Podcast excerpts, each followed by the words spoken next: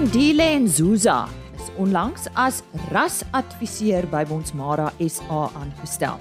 'n Jong man wat al by verskeie landbouorganisasies se draai gemaak het. Hy gesels oor sy loopbaan vanoggend en die geleentheid wat hom te beurt geval het.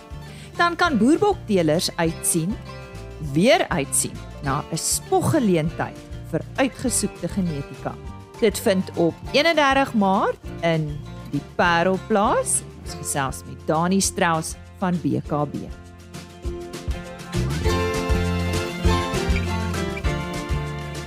Dankie dat jy ver oggend saam kuier. Goeiemôre. My naam is Lise Roberts en jy is ingeskakel vir RSG Landbou. Ons sluit ver oggend eers aan by die redakteur van die Stock Farm tydskrif, Isak Hofmeyer. Dag sê hier uit die Stock Farm kantoor. Dis nie aldag dat ek die verslag oor wat alles in stokfarm te wagte kan wees met 'n verwysing na die redakteursbrief begin nie, maar hierdie maand dink ek dit is gepas. Dit gaan oor 'n kommerwekkende berig oor hoe die verlies aan insekbiodiversiteit die mens se voortbestaan bedreig.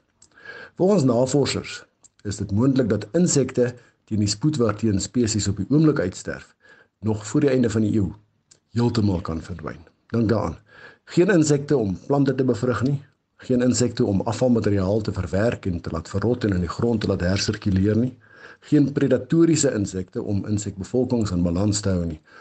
Dis 'n skrikwekkende gedagte en elkeen van ons, landbouers spesifiek, maar elke burger van hierdie planeet moet daarop bedag wees om so te leef dat habitatte vir insekte behoue bly om biodiversiteit te handhaaf.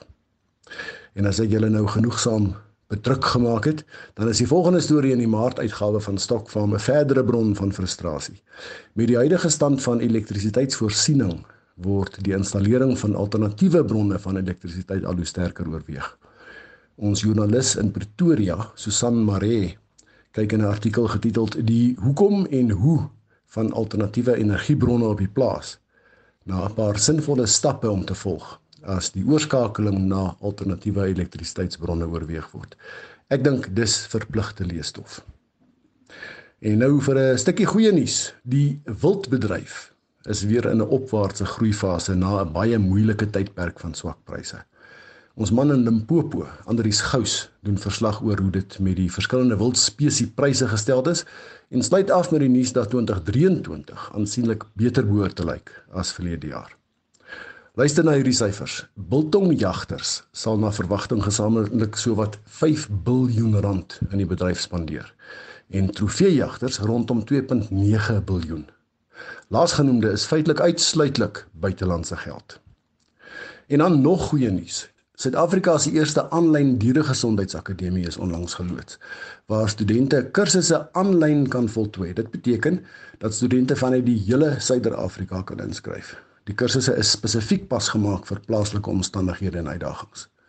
Kursusse wissel van 'n 12 maande nasionale sertifikaat in diereproduksie met spesifieke klem op dieregesondheid tot 'n 24 maande diploma op NQF 5 vlak.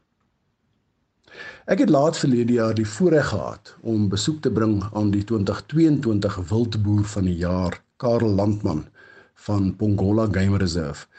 Hy en sy vrou en twee seuns is almal aktief betrokke by hierdie besigheid en wat hulle oor die jare daar aan die oewer van die Pongola rivier in Noord-Natal tot stand gebring het, is voorwaar indrukwekkend. Lees gerus oor my indrukke na die besoek.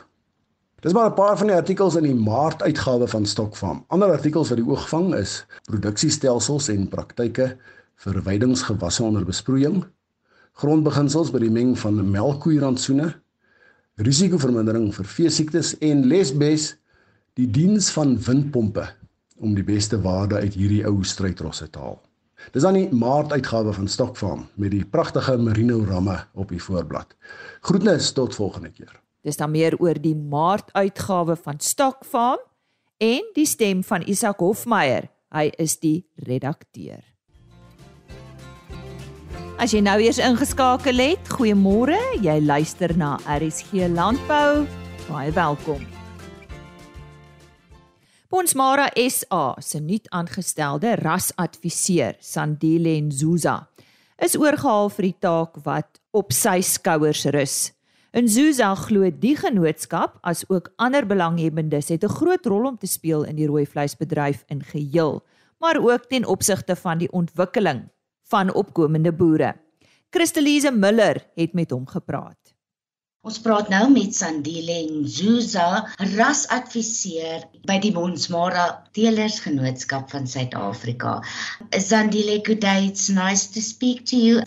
Tell us more about yourself. So Sandile is from uh, the beautiful hills and valleys of uh, Eshowe in Natal. Um, I was born in Durban initially, but then originally my entire family comes from Eshowe we then would frequently go to a show, which then ended up turning more into a home, our regular homestead than in Durban. And then from there, I moved on to school in uh, George Campbell Technical High School in Durban. Then from there, went to Grootfontein in Middelburg, Eastern Cape, where I got my qualification in agriculture, specializing in small stock. After graduation, I then moved to Port Elizabeth, Eastern Cape, to work as an intern for Mohe South Africa and then from there was uh, appointed by Ofiaka to work as uh, their uh, manager in training. And after that, I went to the House of Fiber, worked as a Mohair technical officer. But there I was wearing more than one hat. I had about three, four hats in terms of work or duties that I performed. Um, and then moved to BKB to go become the uh, assistant branch manager in Bloemfontein, uh, one of the best trade branches that you'll find in the in the country. And then after that, I then joined the family that farms with red gold, the Bonsmara SA. And I've been with them since the 3rd of January. Speaking about cattle, you're very passionate about cattle, especially. Where did it all start? It all brews from a very young age, a very, very tender age of mine, where I grew up being a frequent visitor to the rural areas of Eshowe and slowly working with uh, my grandparents. They're the reason I'm actually in agriculture. My grandparents, Albert and Bongegile, who are no longer both with us in this world, may their souls rest in peace. My grandmother was the one who put me in crop production. And at a young, tender age, it's easier for you to start working your, your crops. So it becomes very easy. But when, as I grew up and got to my close to my teenage years. And I think it was around about at the age of, of about seven, ten years, where my grandfather then allowed me to start working with cattle. So from there, I started working with, with my grandfather more frequently. And from there, my love just brewed. Funny enough, when I was in school, I told myself, no, I'm going to be a, in civil engineering. I'm going to be a civil engineer. Hence why I went to a technical school. But in grade 11, all of that took a big turn, and I found myself traveling all the way from Natal to the deep Karoo just to go and study agriculture. So you can imagine how it is. It, it, tells you just how deep the love for cattle and for agriculture is. I assume your Afrikaans has improved a lot lately. yeah, definitief. Ek moet sê my Afrikaans is baie beter as die paar 3, 4 jare. Uh ek het baie geleer. Ek dink Grootfontein is die groot rede is groot rede hoekom ek kan Afrikaans praat. Hulle het vir my geleer van my eerste jaar af tot my derde jaar en die baie praat nie soveel Afrikaans nie. Dis 'n dorp, so baie van die mense daar praat net Engels en jy kry net 'n paar boere uh, wat sal inkom en Afrikaans praat. Maar ja, ek dink nou by die Vrystaat. Nou ek, ek praat amper elke uur. Ek's definitief seker ek sal definitief Afrikaans praat. So ja. jy vaar goed Sandile, jy nee, vaar baie, baie goed. Sandile, why the position at Bonsmara SA? As I've said that cattle have been a a big passion of mine. It's something that I did grow up with. And the opportunity to not only to help start farmers and commercial farmers, but to also see the country as a whole move into a stage of food security where we find ourselves with a better meat quality, finding ourselves treating our animals in the best practical way not only makes it easier for the country to achieve its food security roles, but it also then helps alleviate poverty. So a lot of people will look at it as, yeah, no, he just loves cattle, but it's it's a much broader picture than that. It's a picture of building a nation through beef production. What role that can Bonsmara SA play, especially when we look at cattle farming in communal areas and um, yeah, emerging farmers? Bonsmara SA has a very big role in, in, in creating a communal society that is productive. But it is also to be said that it cannot be played by Bonsmara SA only. There's a lot of stakeholders that have to be involved. And I think I'd like to applaud the project from Cernik, Nick Serfontein, where he's already started getting in uh, a lot of your African farmers, your communal farmers, and he's basically trying to train them and teach them practical and productive and efficient beef production practices that will help them not only grow their herds but be able to provide a decent, proper quality meat beef product for the country. So Bonsmara SA has a very big role to play, but we also need to make sure that we also remember that there's other stakeholders. You've got your NERPOs, you've got your RPOs. These are all industries that can help grow the communal industry into an, an, an economic hub. I always say that the, the communal section can always play a seasonal economic hub uh, in terms of building local economies and also just as a seasonal a supplier of, of meat throughout the country we know that there's times where we need a lot of meat during certain times or rather the country consumes a lot of meat during certain times so in times preparing nearby that then you just get your communal farmers give them a bit of economic boost they give you a bit of good quality meat and then Sandile, what do you want to achieve as a newly appointed breed advisor at Bonsmara SA? My achievement is to see a growth, a very significant growth in, in our commercial farmers, converting them from commercial to stud in order to supply those who are still emerging. If God willing to st- see a Bonsmara commercial club that will uh, help commercial farmers get similar services to that of, of your stud breeders. One reason why I say a club and not membership is because we want to give them the flexibility of being able to maneuver within the club. And because there will always be changes to accommodate the commercial industry, we do not want them to tie it into a membership where if a member is not happy, then they are forced to stay within. But rather, if it's a club, they then get to put their inputs with our inputs and we find a solution. So that is what I'd like to see Bonsmara SA achieve through my efforts.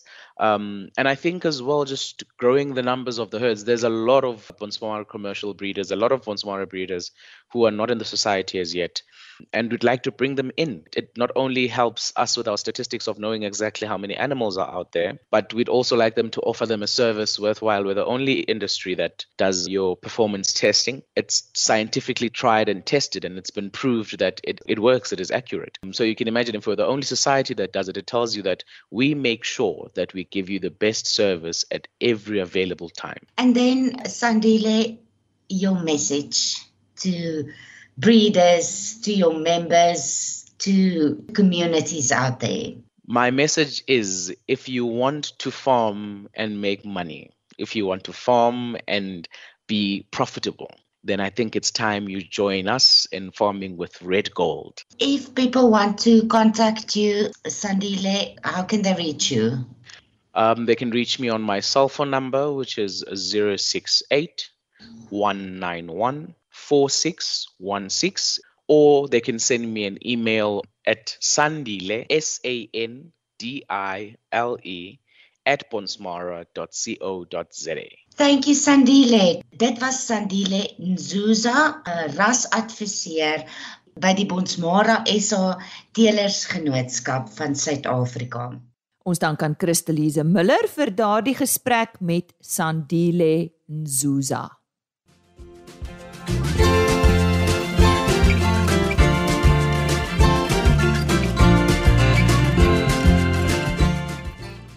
Het jy al van die Black Tie Blue Blood geleentheid gehoor? Nou ja, hierdie geleentheid uh, is vanjaar 2 jaar oud en uh, om ons daarvan te vertel, ek gaan nou nie te veel sê op hierdie stadium nie, is Dani Strauss.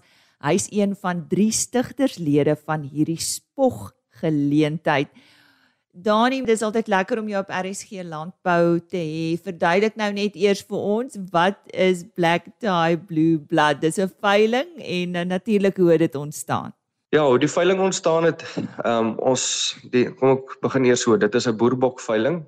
Ek is baie lief vir die boerbok ras en uh ja, dis maar hoe die ding ontstaan het. Ek en ek en die ander twee stigterslede wat Andries Volgraaf en Mac Hendrik Jordaan is, het eendag bymekaar gesit en ons gesê luister, maar ons wil graag 'n 'n veiling hê in Suid-Afrika uh waar ons die die room van die room gaan skep van die boerbokbedryf en hulle op een veiling gaan sit waantoe ons kan internasionale kopers allokeer sodat hulle weet luister jy kom kry die room van die van die van die ras op hierdie veiling. So ehm um, nie net hulle nie vir vir binnelandse teelers, ouens wat 'n uh, groot in die stoetbedryf is, ehm um, om absoluut jou blue blood genetika hier te kom haal. Ehm um, die blue blood verwys dan ook nou na jou jou jou jou ehm um, pedigrees wat regtig diep uh, genetika ehm um, behels en uh, ja, dit is maar die idee wat ons gaan gaan vat dat ons wil graag dit op een veiling neergesit het en en daarmee saam het ons eintlik gesien hoorie maar ons kan hierdie veiling gaan neersit maar ons wil nie graag ons nasionale veiling wat dan die vertoonvenster van die ras ook is ehm um, te nakom nie. Uh so ook nie die skou veiling wat in die elke tweede jaar geword die die wêreld skou veiling nie. En uh, ons het gaan kyk maar hoe gaan ons hierdie veiling aan mekaar sit Ehm um, wat gaan die kriteria wees? So hierdie is 'n absolute uitgenooide veiling waartoe teelers kwalifiseer om hierin aan deel te neem. So die eerste manier hoe jy kan inkom Lisa is 'n uh, jy kan ehm um, in die wêreldskou wat elke tweede jaar gehou word, as jy een van die top 10 teelers is met punte gewys, met meeste punte dan het jy 'n plek vir 2 jaar in hierdie veiling omdat die wêreldskou net elke 2 jaar gehou word. So dit is vir ons 'n baie goeie kriteria en ek gaan nou vir jou dit vir interessantheid noem. Ehm um, wat het hierdie veiling se stimulasie aan die wêreldskou se getalle gedoen? En dan die tweede kriteria wat ons het is dan dat jy die top 5 teelers van die nasionale veiling op verkope met 2 ramme en 2 oeye se gemiddeld daai top 5 kopers, hulle is saam um ook deel van die van hierdie black tie blue blood veiling. Nou jy sal sien dat hier nou nie 15 teelers op is nie. Um want van die teelers wat op die nasionale veiling is, um is ook in op die top 10 teelers wat op die skou was. So dit is regtig as jy dit so kan stel gesif en dis ons kriteria waarop ons, ons werk en dan moet al die diere wat aangebied word ook 'n 3 generasie stamboek um, pedigree het. Ons kan nie sonder dit gaan nie. Dit is vir ons 'n uiterste noodsaaklikheid uh, want ons wil graag wys dat die diere wat daar aangebied word, um is daar 'n baie goeie rekordhouding van so jy weet presies wat jy koop ensovoorts. Nou net vir jou vinnig om vir jou te sê Lusa, um net wat dit gedoen het aan ons aan ons nasionale skou of ons 'n uh, uh, wêreldskou wat hierdie jaar in Mei maand in Bloemfontein plaasvind. Uh gewoonlik is daar hier rondom 900 na 1200 bokke toe ingeskryf. Hierdie jaar is daar ingeskryf. Ons is 4 bokke kort van 1700 bokke.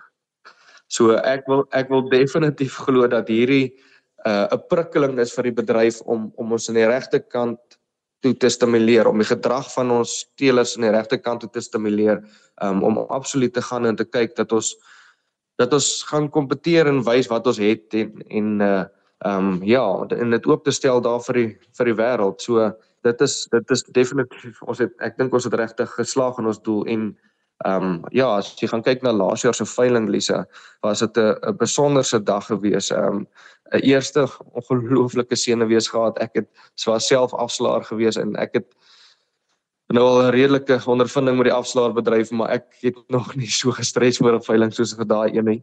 Ehm um, maar in elk geval dit het 'n ja. besonderse dag afgelewer. Ons het gemiddeld op die ramme gaan van R65000 en op die oeye van R44000. Ehm um, wat uitstekend is, maar die kwaliteit is ongelooflik. As jy daar aangekom het, die mense het gepraat en gesê dit lyk soos 'n wêreldskou. So is die kwaliteit wat daar aangebied word en dit is die prentjie wat ons graag daar wou gestel het. En wat interessant was op ons heel eerste veiling, ehm um, het ouens van van regoor die wêreld ingevlieg. Van Saudi-Arabië was al mense van Kuwait af, was al mense van Egipte af, was al mense. So dit is vir ons 'n besonderse voorreg dat hierdie mense inkoop in ons produk. En uh ja, ons sien uit na hierdie jaar. Ek ek ons is nederig opgewonde. Ons weet mos al, altyd nie wat ons gaan verwag nie. Wat bietjie nuut is hierdie jaar, ons het die Kalahari Reds ingetrek, so ons het dieselfde kriteria met hulle gevolg. So hulle kom saam met die Boerbok hierdie jaar veiling nou in die Kaap en ons is baie opgewonde. Nou jy het soveel van my vrae wat ek nou gehad het al reeds beantwoord. Dani, sê gou vir my, hierdie is soos ek soos ek gesê het, hierdie is nou die net die tweede keer wat dit aangebied word, is ek reg? Jy is heeltemal ja, reg. Ja. En is en is jy weer die afslaer? ek is weer die afslaer Lisa. So ehm um, die mense kan my definitief ja. kontak ja. as hulle belangstel in die veiling. Ja. Ons sal en uh, ja, ek is ek, ek ons is opgewonde oor die dag Lisa. Daar's 'n ja.